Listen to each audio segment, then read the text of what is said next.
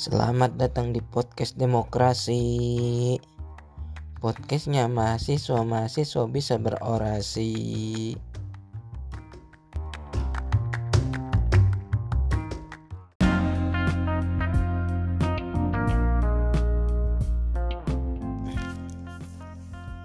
Ya, assalamualaikum warahmatullahi wabarakatuh. Kembali lagi di podcast demokrasi, podcastnya mahasiswa mahasiswa bisa berorasi.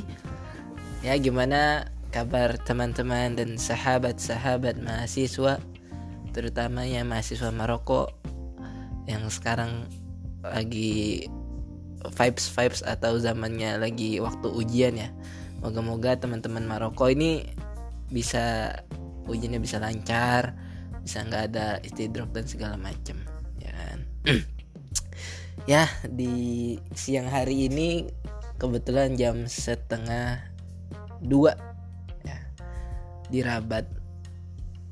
Ini udah termasuk episode yang kedua ya kan? Yang insya Allah uh, bintang tamunya ini jauh gitu.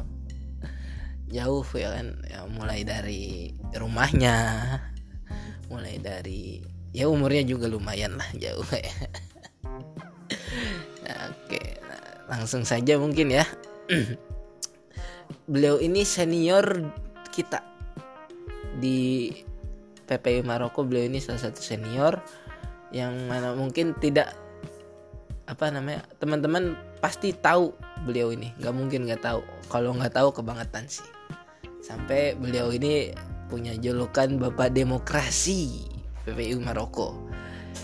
Ya, beliau eh, mahasiswa S3 Darul Hadis. Ya, Darul Hadis ya, ya tahulah kalian pasti nggak tahu kan.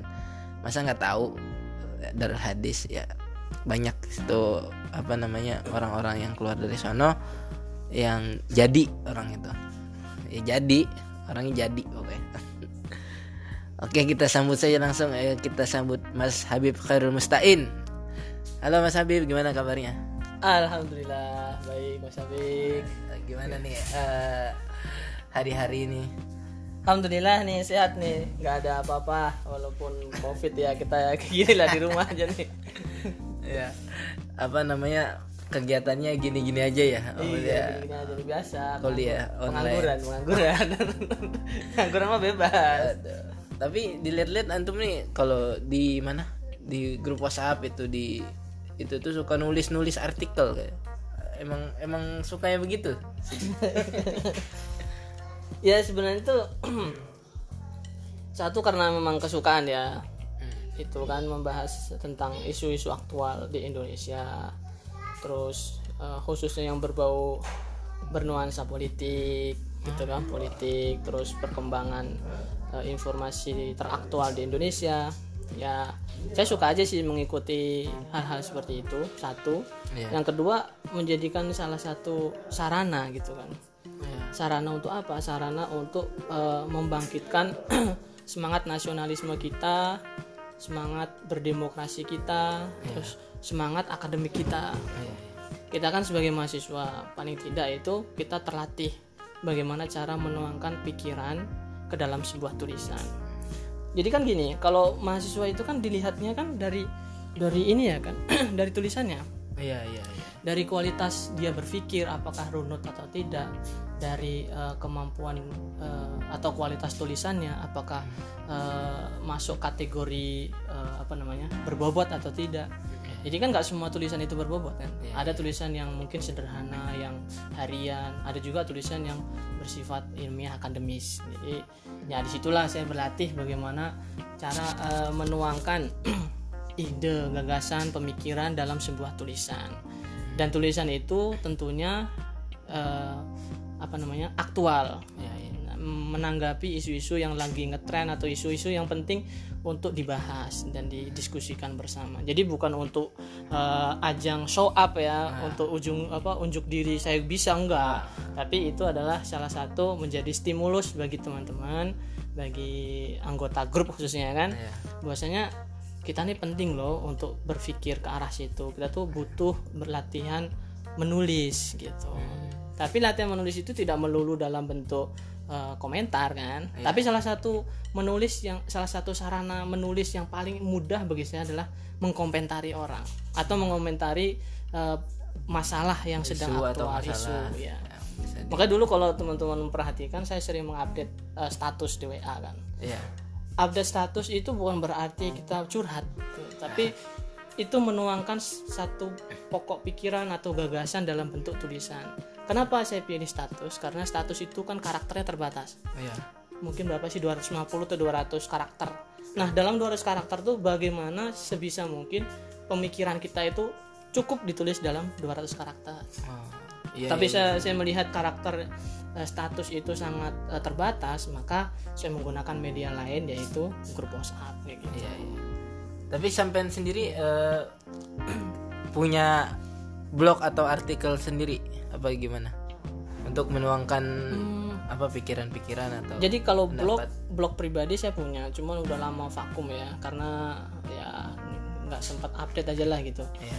Dan sebenarnya yang saya tulis-tulis itu juga itu saya kumpulkan gitu. Itu setelah saya tulis, saya copy, saya simpan dalam sebuah file yang siapa tahu suatu ketika nanti itu semua bisa saya kumpulkan menjadi salah satu buku atau salah satu tulisan gitu. Karena kenapa nggak di share di Facebook misalnya gitu kan? Facebook itu adalah eh, sangat sangat apa namanya non privat Hmm, privat. karena Semua bisa semua orang melihat. bisa melihat tapi kalau di grup itu masih privat karena hanya grup itulah yang bisa membaca Iya, iya. dan grup itulah yang bisa mengikuti nah harapan saya adalah dengan eh, komentar-komentar atau tanggapan ulasan dalam grup itu ada teman-teman yang mulai terstimulus di situ Iya. paling tidak dia dulunya apatis dengan hmm, apa namanya isu politik mungkin gitu ya. Iya. nggak suka dengan politik apa sih politik? Tapi dengan sering membaca Iya, ya akhirnya akan eh, terstimulus ter apa ya tertarik lah dengan isu-isu politik gitu. Tapi saya sangat sampai hari ini saya masih menunggu-nunggu tuh. Istilahnya siapa yang berkomentar lagi ini?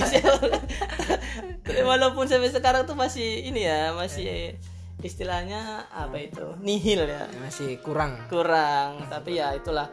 Mungkin bisa menjadi cikal bakal ke depannya itu menumbuhkan eh, spirit demokrasi bagi teman-teman mahasiswa Ya, apa namanya? Insya Allah dengan maksudnya saya juga kadang suka melihat tulisan panjang atau saya mikirnya ini beliau bacanya gimana ya? Banyak banget kan gitu. Cuman ya dari mungkin mulai dari tulisan-tulisan itu uh, udah mungkin ada beberapa mahasiswa yang tersentuh gitu untuk apa me- melihat politik lebih dalam di Indonesia gitu kan pasti ya kan. Betul, ya, kayak Tapi gitu. tapi kalau dilihat-lihat nih, eh, antum ini kayak suka nulis tentang politik, tentang apa namanya eh, isu-isu yang suka ada di Indonesia yang sedang hot gitu, hot news. Antum ini emang kan antum ini apa pertama nih antum ini eh, belajarnya kan pasti bukan itu dong di Darul Hadis Iya. S3 pasti bukan apa namanya bukan tentang politik tentang apa ya. Apakah itu hanya untuk menjadi hiburan apa sarana hiburan antum apa bagaimana? Ya satu gini saya dulu sama sama mungkin sama dengan teman-teman yang lain ya. Apa sih politik gitu kan ya? Politik bikin huru hara aja bikin rame aja mungkin gitu. Saya dulu juga apatis gitu. Ya tapi akhir-akhir ini mungkin karena sudah mulai eh, matang dalam berpikir gitu saya menemukan sebuah eh, jawaban begini.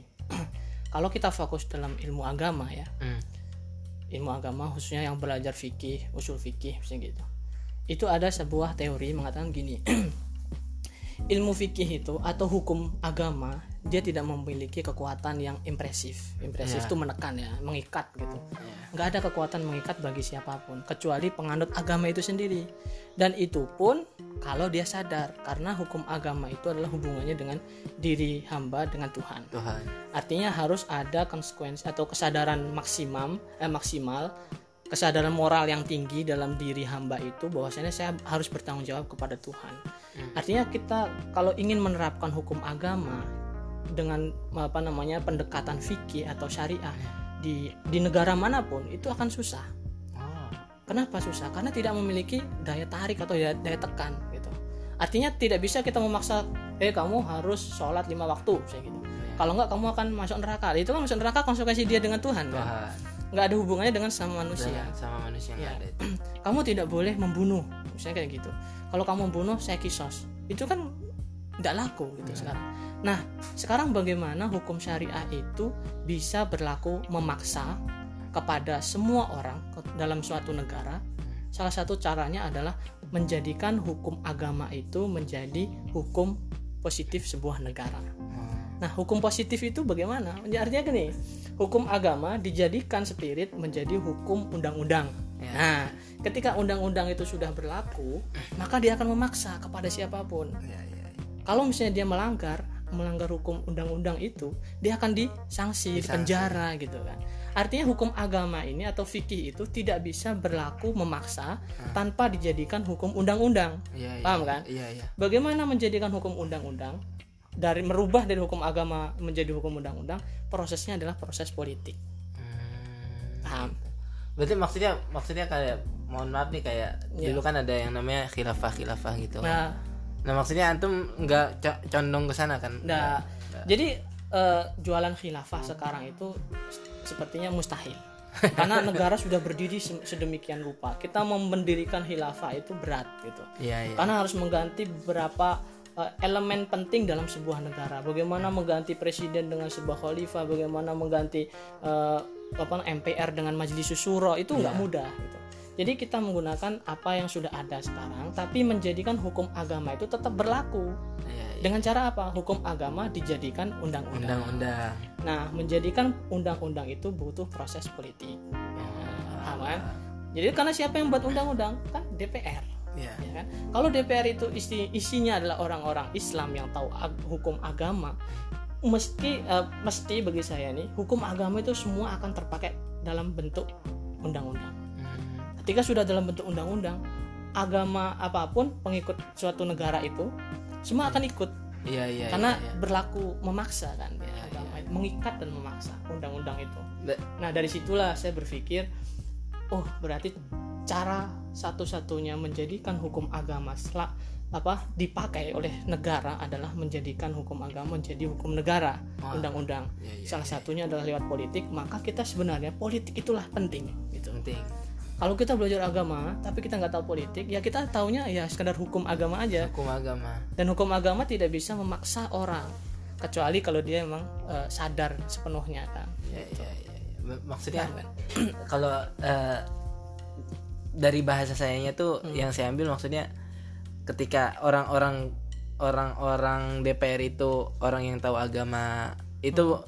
undang-undang bisa diganti dengan hu- hukum Islam ya kan Heeh.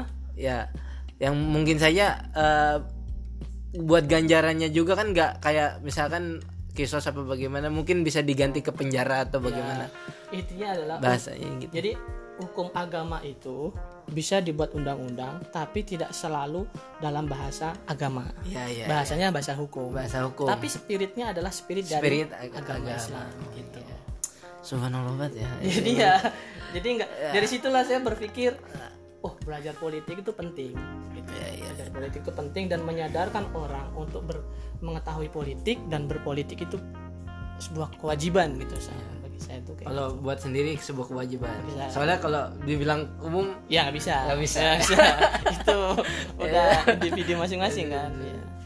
oke oke oke berarti eh, muncul dari situ apa namanya muncul ketika antum suka berpolitik ya bahasanya ya suka suka melihat apa politik situasi politik politik di Indonesia ini muncul dari situ eh, akhirnya antum apa punya ide-ide ide-ide untuk apa untuk menyalurkan suasana politik di sini kayak salah satunya mem- membuat apa namanya KPU Ya. apa gimana Ya.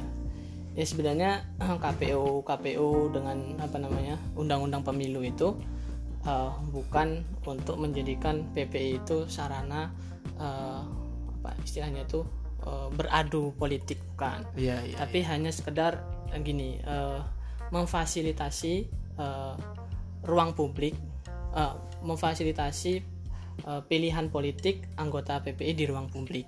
Artinya apa? Kita pengen nih di PPI itu sebenarnya sudah ada praktek politik tuh sudah ada ya kan? Cuman itu praktiknya masih eh, di bawah tanah. Masih Ah. remang-remang atau masih redup redup masih remang apa ya istilahnya remang-remang lah ya. Masih nggak mau menunjukkan diri secara secara utuh gitu secara jelas nyata itu nggak mau. Nah dengan adanya pemilu apa namanya ketua PPI itu kita ingin menjadikan kontestasi misalnya eh, apa namanya eh, pemilihan ketua itu secara nyata secara jelas gitu terbuka untuk umum dan semua bisa menyaksikan jangan lagi bermain di bawah tanah gitu Iya, iya, iya. paham kan ya artinya kita ini ingin memfasilitasi eh, eh, semua anggota apa hak, hak politik semua anggota PPI itu untuk eh, menyuarakan dalam bentuk yang lebih nyata Iya, gitu. iya, iya. Artinya kan semua berhak untuk menjadi ketua dan mencalonkan dan dicalonkan menjadi ketua. Nah kenapa tidak kita sekalian aja nih kita munculkan gitu. Iya. dan kita buatkan sebuah sistem yang itu eh, sistem ini eh, terukur gitu kan. Sistem ini eh, transparan dan bisa dirasakan oleh semua anggota gitu. Jadi jelas gitu di awal jadi sistemnya itu sengaja kita buatkan sistem karena dalam sebuah organisasi sistem itu adalah eh, penting ya kan? Penting. Karena bagaimana? Sistem itu lebih penting daripada siapa yang memimpin dalam organisasi. Kalau sistemnya itu sudah terbentuk siapa pun ketuanya sampai kapan pun nanti walaupun dia berganti-ganti ketua kalau sistemnya masih sama itu insya Allah eh, organisasi akan berjalan sesuai dengan realnya gitu.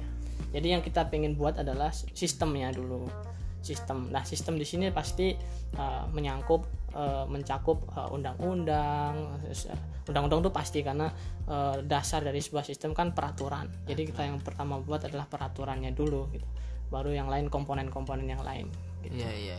Baik, Soalnya ya saya juga pernah dengar kan dari Bang Amin ya.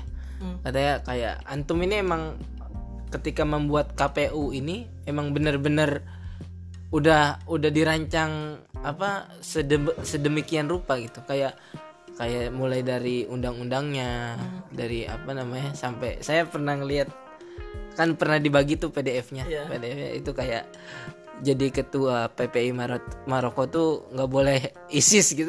Orang ISIS itu itu mungkin mungkin agak berlebihan cuman cuman apa ya cuman mungkin suatu saat mungkin ada kan. Ya. ya, kayak gitu. Kata saya emang apa namanya Mas Habib Memena emang kayaknya emang sudah merancang KPU ini sedek apa bagus sedemikian rupa gitu. Karena mungkin mau ada perubahan mungkin mau melihat perubahan dari PPI ini. Soalnya antum di- kita lihat sendiri kan antum ini kan adalah senior kan senior di PPI kalau nggak salah antum dulu pernah ketua PPI juga ya? Pernah, pernah. 2012 2012 Sa- sampai 2000 13 Oh, kirain 2020 Eh, lama lama banget ya. Berasa presiden.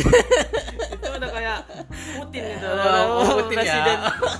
Presiden seumur hidup kayak Xi Jinping nggak bisa ya.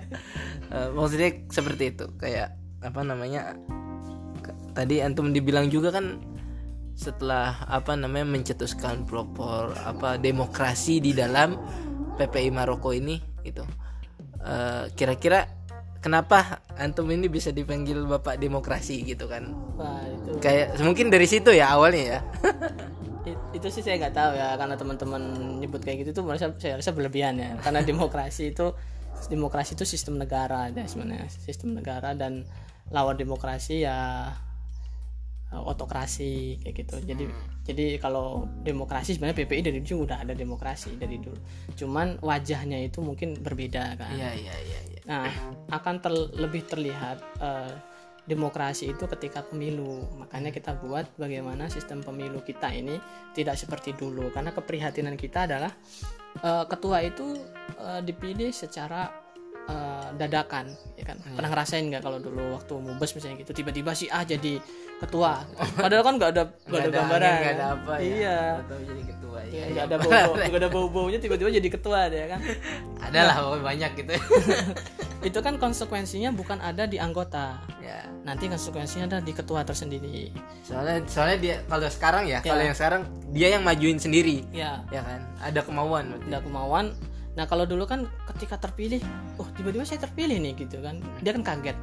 Dia dadakan bahasa saya adalah ketua karbitan. Karbitan itu artinya saya sebenarnya belum siap jadi ketua karena saya sudah terpilih saya harus mau harus bisa jadi ketua. Mau nggak mau. nggak mau Iya, gitu. iya, iya. saya harus menjalankan eh, fungsi dan tugas ketua. Dan itu bagi saya gitu kan saya melihat dampaknya nanti adalah ke organisasi. Ketika ketuanya itu tidak siap dan harus dikarbit karbit itu artinya harus matang secara instan gitu kan. Saya dalam beberapa minggu misalnya saya harus siap mem- mempersiapkan diri memantaskan diri sebagai ketua PPI itu kan nggak nggak mudah gitu. Iya iya iya. dan ah- akhirnya nanti adalah konsekuensinya adalah kegiatan PPI mungkin tidak konsisten, Konsisten. atau berubah-berubah arah gitu. Dan dan banyak hal yang lain lah. Iya, karena berawal dari pemi- pemilihan apa proses pemilihan ketua yang menurut saya kurang tepat. Iya. makanya kalau sistem pemilihan ketua ini yang eh, sistem lama ya sistem Iya. tunjuk dadakan itu tetap kita pertahankan bagaimana kita akan melihat PPI yang lebih maju Betul. kan susah nah salah satu menjadikan PPI lebih maju adalah dengan cara merubah sistem pemilihan ketuanya dulu Iya. nah mumpung tahun lalu pernah menjadi PPAN kan jadi saya Oh paling iya dulu ya kan? pernah iya iya. jadi paling paling tidak saya mengalami eh, apa namanya eh, memperoleh pengalaman eh, bagaimana sistem pemilu presiden di Indonesia gitu. Iya, Nah berbekal dari pengalaman itulah saya coba menerapkan ini ke saya adapta eh, saya adopsi ya saya adopsi sistem ini ke dalam tubuh PPI di mana PPI ini bagi saya adalah miniatur dari sebuah negara. Sebuah negara. Jadi negara itu kan grand plan-nya kan besar ya kan. Nah, miniaturnya adalah organisasi. Iya. Karena siapa pun yang ingin menjadi eh, salah eh, bagian dari eh, pemerintahan di negara, pasti dia harus mempunyai pengalaman berorganisasi. Jadi organisasi inilah yang menjadi embrio yang memberi pengalaman kepada individu masing-masing untuk siap menduduki di jabatan-jabatan pemerintah. Gitu. Artinya kan negara segede apa pun itu ya kecilnya Dimulai dulu dari, yang dari kecil itu. organisasi. Iya iya. maka sistem itulah yang saya coba uh, uh, adopsi ke dalam PPI dengan sedemikian rupa dengan beberapa perubahan menyesuaikan dengan kebutuhan uh, sosial PPI Iya, dan itu bukan saya sendiri yang buat. Itu kita ada tim kan dulu namanya pansus ya Nah kan? itu itu yang pernah dibilangin kemarin episode yang kemarin di Bang Reja. Malaysia Awalnya Bang Reja kan juga ditunjuk buat apa namanya ngikut pansus, Pansus, ini iya. karena di Indo- dia di Indonesia jadi dia nggak bisa ikut ya kan? betul. yang tadinya harusnya menjadi pelopor Bagian. Bang Reja ini nggak jadi. Nggak jadi pelopor dia. Hilang kesempatannya. Hilang kesempatan ya. Ya sebenarnya sih itu kerja tim ya. Bukan saya sendiri. Hmm. itu kerja tim. Karena apa? Di sana ada eh, Mas Agus di sana ada Dada Iya, di sana iya, ada Jidilah di sana ada Mbak Wiam gitu. Cuman beberapa personel memang berhalangan ketika itu kan ada yang masih temus ada yang ada di Indonesia gitu. Akhirnya ya kita memaksimalkan personil kita yang ada. Jadi kita mengaca dengan undang-undang pemilu di Indonesia. Ya. kemudian kita kolaborasi dengan beberapa Ya. uh, undang-undang pemilu di PPI Timur Tengah khususnya di Mesir kita pelajari juga bagaimana pemilu di sana terus PPI di mana? Uh, Perancis Ya, PPI ya, di Amerika dan dan satu lagi di Asia itu saya lupa di mana. Jepang Eh, enggak kalau nggak salah Malaysia gitu jadi bahan-bahan itulah yang menjadikan bahan-bahan itulah yang kita kumpulkan menjadi Iya. bahan dasar terbentuknya undang-undang pemilu PPI Maroko iya iya jadi kalau disebut bapak demokrasi sebenarnya enggak juga sih enggak juga Waduh, merendah ya udah, udah. biasa saya kan gitu. siapalah saya ini gitu kan. Jadi kayak gitu subhanallah makanya.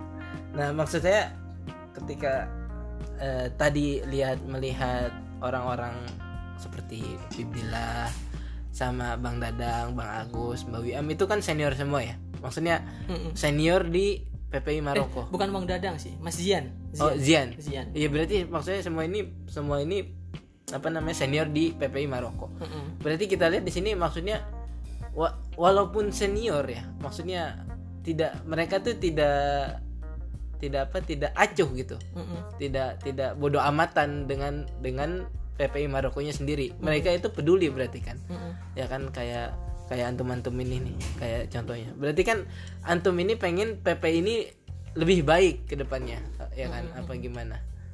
ya pastilah ya namanya orang yang sudah lama di PPI itu kan pengen ada perubahan yang lebih baik kan dalam organisasinya.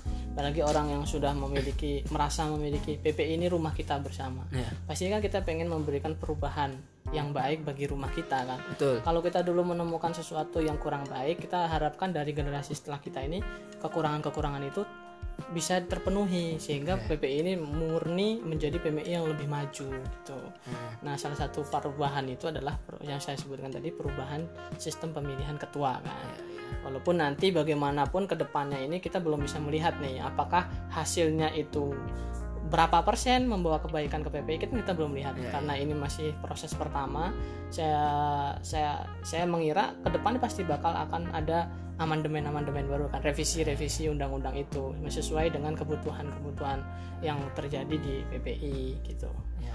Apa namanya? Nggak nggak mungkin langsung bagus gitu kan. ya mungkin Pasti nanti ada revisi-revisi. revisi lagi dan di situ sebenarnya eh, pembuatan eh, perubahan eh, apa namanya per- perubahan mendasar dalam PPI itu kan yang kita buat kemarin seperti eh, apa namanya eh, amandemen ADRT Iya, iya. terus eh, membuat sistem apa istilahnya piramida hukum dalam PPI itu seperti apa mekanismenya.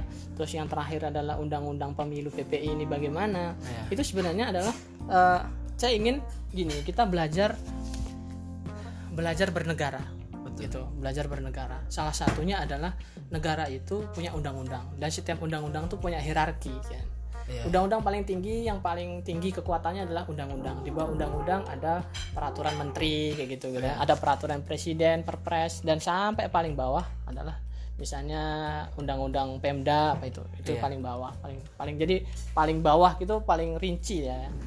Nah kita pengen belajar kayak gitu juga. Undang-undang itu paling tinggi adalah ADRT PPI ya kan kalau di konstitusi Indonesia adalah undang-undang paling tinggi adalah UUD 45 setelah itu baru undang-undang setelah itu baru peraturan menteri dan setelah, setelah- selanjutnya lah ya. Kita ingin juga seperti itu mempraktekkan sistem bernegara itu kita berlatih dari organisasi PPI organisasi. yaitu pertama ADRT baru ada undang-undang baru nanti ada keputusan misalnya PPI kayak gitu dan selanjutnya. Nah selain itu kita juga belajar bagaimana cara membentuk atau membuat undang-undang Nah, ya kan situ ya. kita secara tidak langsung dengan lahirnya undang-undang pemilu itu kita sedang belajar bagaimana cara membuat em, mer- merancang undang-undang. Nah, merancang undang-undang itu sebenarnya fungsi legislatif. Legislatif itu adalah DPR. Iya. Secara tidak langsung kita belajar memposisikan diri bagaimana sih menjadi anggota dewan. Iya. Bagaimana caranya membuat undang-undang, bagaimana mengetok, mengesahkan undang-undang. Nah, itu sebenarnya kita sedang berlatih atau belajar ke arah sana gitu. Jadi secara tidak langsung kita berorganisasi PPI itu kita sedang belajar bernegara, mempersiapkan orang-orang atau insan-insan yang nanti siap menduduki jabatan di Jabatan di negara. negara. Jadi bagi saya kalau misalnya ada teman-teman yang masih takut menja- mendaftar menjadi KPU, takut mendaftar menjadi apa panitia pemilu, nggak usah takut-takut karena sebenarnya di sini sedang kita sedang eh, belajar untuk mengarah siapa tahu nanti benar-benar menjadi KPU di KPU di Indonesia. dengan berbekal pengalaman dari PPI Maroko. Walaupun kasusnya atau lokusnya wilayahnya itu nggak sama. Nggak sama. Dan nanti mungkin di Indonesia malah lebih, lebih, kompleks besar. ya lebih kompleks lebih rumit lebih besar tapi kan orang nggak mungkin bisa mencapai ke yang lebih kompleks yang lebih besar tanpa Sebelum belajar belajar yang hal kecil lebih hal kecil dulu. Berarti intinya eh, eh, berorganisasi itu buat buat Mas Habib sendiri penting ya. Maksudnya ya untuk untuk menjadikan kita orang yang lebih bersosial ya kan, lebih ini. organisasi itu sebenarnya kebutuhan pokok bagi setiap manusia.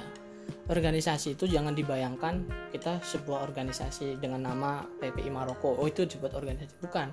Kelompok manusia itu sebuah organisasi. Keluarga sebuah keluarga ada ayah ada ibu ada anak itu organisasi. Organisasi itu sebenarnya dia mengatur kan? Iya, iya. Jadi manusia itu tidak terlepaskan dari sebuah organisasi. Dia akan pindah dari sebuah organisasi ke organisasi yang lain. Iya, iya. gitu kan? Artinya saya sebagai manusia saya adalah warga Indonesia di Maroko. Organisasi saya adalah warga Indonesia di Maroko. Iya. saya adalah eh, apa namanya eh, di bawah naungan KBRI ini organisasi saya. Akan saya saya akan pindah saya organisasi ini ke organisasi PPI Nah, organisasi PPI saya menjadi apa? Memainkan peran kan memainkan peran Tapi saya tidak cukup di organisasi PPI. Saya mengikut organisasi PCINU atau PCIM atau yang lain. Iya. Itu kan pindah organisasi lagi ke sana. Jadi satu di satu waktu manusia itu menjadi anggota berbagai organisasi. Iya, iya. Di RT itu juga organisasi. Kita sebagai anggota organisasi RT Iya. gitu. Walaupun suatu saat kita bisa menjadi pemim- apa ketua RT, artinya kita menjadi pemimpin organisasi itu. Iya, iya, iya. Jadi sebenarnya organisasi itu adalah kebutuhan pokok manusia yang tidak bisa dilepas. Kalau dalam rumah tangga kita juga berorganisasi. Ya, kalau enggak apa istri ngamuk Nah. Ya. ngamuk, suami ngamuk ya Nggak ada nggak ada Bubar, kan? ya, ada ini Bubar. Jadi belajar organisasi itu menjadi mutlak penting gitu. Karena di organisasi itu sebenarnya intinya adalah bagaimana cara kita mengatur ya kan berorganisasi adalah mengatur atau memainkan uh, fungsi di situ. Fungsi. inti dari organisasi adalah manajemen manajemen adalah mengatur mengatur organisasi itu belajar bagaimana mengatur uh, suatu kegiatan sehingga kegiatan itu sukses itu kan belajar mengikuti apa uh, misalnya menjadi salah bagian dari panitia mubes misalnya itu belajar organisasi ya ya yang itu. kecil, daripada organisasi, Organisasi PPI, PPI-nya itu. gitu jadi dalam PPI masih ada organisasi kecil yaitu kepanitiaan kepanitiaan kepanitiaan itu. kepanitiaan nah maksudnya Hmm. berarti an- antum ini juga menyarankan untuk eh, mahasiswa-mahasiswa itu jangan takut untuk berorganisasi ya? iya. soalnya pasti di setiap organisasi itu banyak pelajaran yang bakal diambil gitu kan ya ya pelajaran pokoknya sih Pokoknya. gini bagaimana dalam organisasi itu kita menghadapi orang lain kan? Iya. menghadapi orang lain. Yang setiap kepala itu memiliki isi yang Isi berbeda berbeda. Nah bagaimana kita menghadapi anggota yang banyak? Jangankan anggota kita menghadapi ini dalam keluarga ada suami dan istri. Itu bagaimana dia menghadapi ke- istri, Istri, yang iya. berbeda dengan kita? Bagaimana menghadapi anak? Bagaimana menghadapi orang tua orang tua mertua? Hmm. itu kan kita belajar berorganisasi bagaimana kita menyamakan misi kita atau menyamakan eh, pemikiran-pemikiran mereka sesuai dengan misi kita Betul. gitu. jadi berorganisasi itu adalah satu kita adalah memposisikan diri bagaimana memahami orang lain bagaimana mengajak orang lain ya bergabung dengan kita mensukseskan misi kita. Iya, itu organisasi. Mengatur itu satu. Yang kedua adalah memfungsikan me- eh, manajemen mengatur. Kita punya banyak anggota 170 dalam eh, kegiatan PPI ada sisgame misalnya gitu ya. Iya. bagaimana 170 ini semua kompak mendukung sisgame itu kan nggak mudah. Nggak mudah. Dengan satu Dengan- kepala. Sat- ya satu misalnya nih ayo kita semua datang ke sisgame kan semua orang nggak sama isinya. sama. ada yang suka bola ada yang nggak suka bola ada yang sukanya olahraga ada yang nggak suka olahraga. Tapi dengan yang nggak suka dengan yang suka itu semua kompak mendukung Iya. sisgame itu kan butuh strategi kan? Butuh lobby. Nah, lobby itu, itu- adalah diplomasi. Tuh, nah yang penting itu lobby. Lobby. Kalau kita nggak bisa ngelobi Nah. susah. Dan lobby itu adalah inti dari sebuah diplomasi Ah. politik gitu. Berarti kata lain dari diplomasi ya? Apa ya, gimana? lo diplomasi itu sebenarnya melobi nggak mudah aja ya? iya. Iya. dasar yang paling mudah adalah diplomasi itu adalah melobi Iya, merayu. Iya. Merayu. cuman banyak cara untuk merayu ya Banyak lah gitu. pokoknya. dan itu makanya ada istilah ilmu diplomasi itu sendiri. Karena untuk merayu atau melobi orang itu banyak caranya. Iya iya iya. ya ada yang dengan iming-iming ada yang dengan tekanan dan ada yang lain-lain. Serangan fajar. Nah, masuk diplomasi nggak? Serangan fajar nih jadi. Bisa jadi. Politik money kan diplomasi juga. Cuman kan ada diplomasi cara diplomasi yang tidak dibenarkan gitu kan. Lobby yang tidak dibenarkan. Oke. jadi ya sebenarnya banyak sih pelajaran dari berorganisasi itu Iya sih, maksudnya eh siang hari ini banyak sekali yang kita ambil ya. Maksudnya eh pantas antum dipanggil Bapak Demokrasi itu dari penjelasannya saja dari apa namanya eh, banyak-banyak omongan tadi itu emang memang sepertinya emang banyak baca gitu kan, banyak baca, banyak nulis ya itu yang yang mempengaruhi antum bisa apa namanya bisa bisa menjadi seperti ini gitu. Nah, mungkin terakhir ya pertanyaan terakhir kali ya. Pertanyaan terakhir soalnya mau udah nambah juga nggak apa-apa bisa sih. Cuman kuota terbatas cuman kayaknya udah setengah jam nih. Udah setengah jam nggak kerasa maksudnya. Keren banget kan maksudnya bisa sampai setengah jam ini. Eh, perta- pertanyaan terakhir tuh ini apa namanya? Kira-kira Putin kapan turun? Udah meninggal usia. si Jinping gitu dia. aduh iya ya apa namanya Hmm, mungkin apa saran antum terakhir saran gitu untuk Iya. KPU tahun ini dan yang akan datang Ya, yang akan datang belum kelihatan sih ya. soalnya soalnya ini kan podcastnya punya KPU Ya. ya mungkin yang paling terlihat sekarang adalah KPU. KPU itu saran saya sih. Itu eh, karena ini periode awal gitu. Berikan yang terbaik gitu. Torehkan eh, nama kalian dengan tinta emas. Artinya eh, buat sebanyak-banyaknya eh, inovasi-inovasi Iya. karena yang apa ya apa pun yang kalian buat sekarang ini nanti akan menjadi cerminan untuk KPU ke depan. Artinya da- eh, sederhananya begini. Orang kalau mau naik tangga, KPU sekarang ini tangga pertama nih. Jadi tangga pertama harus kokoh supaya bisa diinjak untuk menaiki tangga kedua, Iya. ya kan? KPU pertama ini harus kokoh dengan cara apa? Dengan cara mempersiapkan semua kebutuhan KPU karena ini masih eh, baru lahir ya. berakhir Orang baru lahir tuh masih belum punya kemampuan yang maksimal kan. Nah, paling tidak eh, periode pertama ini mewariskan hal-hal eh, apa namanya eh, pondasi pertama gitu dalam eh, KPU sehingga KPU tahun ini menjadi cerminan bagi KPU selanjutnya begitu. Jadi eh, berusahalah semaksimal mungkin dengan keterbatasan yang yang ada gitu. Walaupun masih buta, masih bingung sana sini, tapi amal jariah untuk KPU tahun ini tuh benar-benar akan terasa ketika KPU itu sudah berjalan beberapa tahun ke depan gitu. Jadi mungkin eh, tahun ini banyak perjuangan kan istilah istilah orang Jawa adalah babat hutan. Gitu. Iya. Babat hutan tuh dialah yang memulai sebuah kampung. Itu kampung tuh kalau zaman dulu masih dalam hutan, Iya. masih bentuk hutan tuh harus dibabatin dulu Iya di dipotongin dibersihin kan dulu. dibersihin dulu barulah jadi kampung nah namanya babat hutan itu itu kan kerjanya keras kan? Keras banget. nah makanya seperti itulah namanya KPU tahun ini periode awal itu masih babat hutan. Harus menyediakan jalan harus membuat tangga harus menyediakan lampu sehingga generasi selanjutnya itu sudah sudah ada gitu warisan dari sebelumnya. Oh zaman dulu seperti ini. Iya. ya kita tinggal pakai. Jadi dan itu hitung hitungannya memang karena kita PPI itu organisasi nirlaba ya. Nirlaba itu tidak mencari untung gitu. Iya. Kita tidak digaji kita tidak eh, dapat eh, maksudnya nggak dapat tunjangan kayak gitu ya tapi itu nanti akan menjadi amal jariah Iya iya iya. kan amal jariah banyak macamnya ya Banyak. dan kita sebagai seorang akademisi orang yang berpendidikan amal jariah kita adalah ilmu gitu Iya iya. yang paling bisa kita lakukan adalah ilmu Yang kita dan bisa pengalaman. bagi gitu. Iya, kita bisa bagi. Dan sistem, sistem tuh juga termasuk menurut saya sih itu bisa jadi salah satu cabang dari amal jariah. Amal jariah juga itu. Soalnya kan nanti dipakai-pakai juga. Pakai-pakai terus.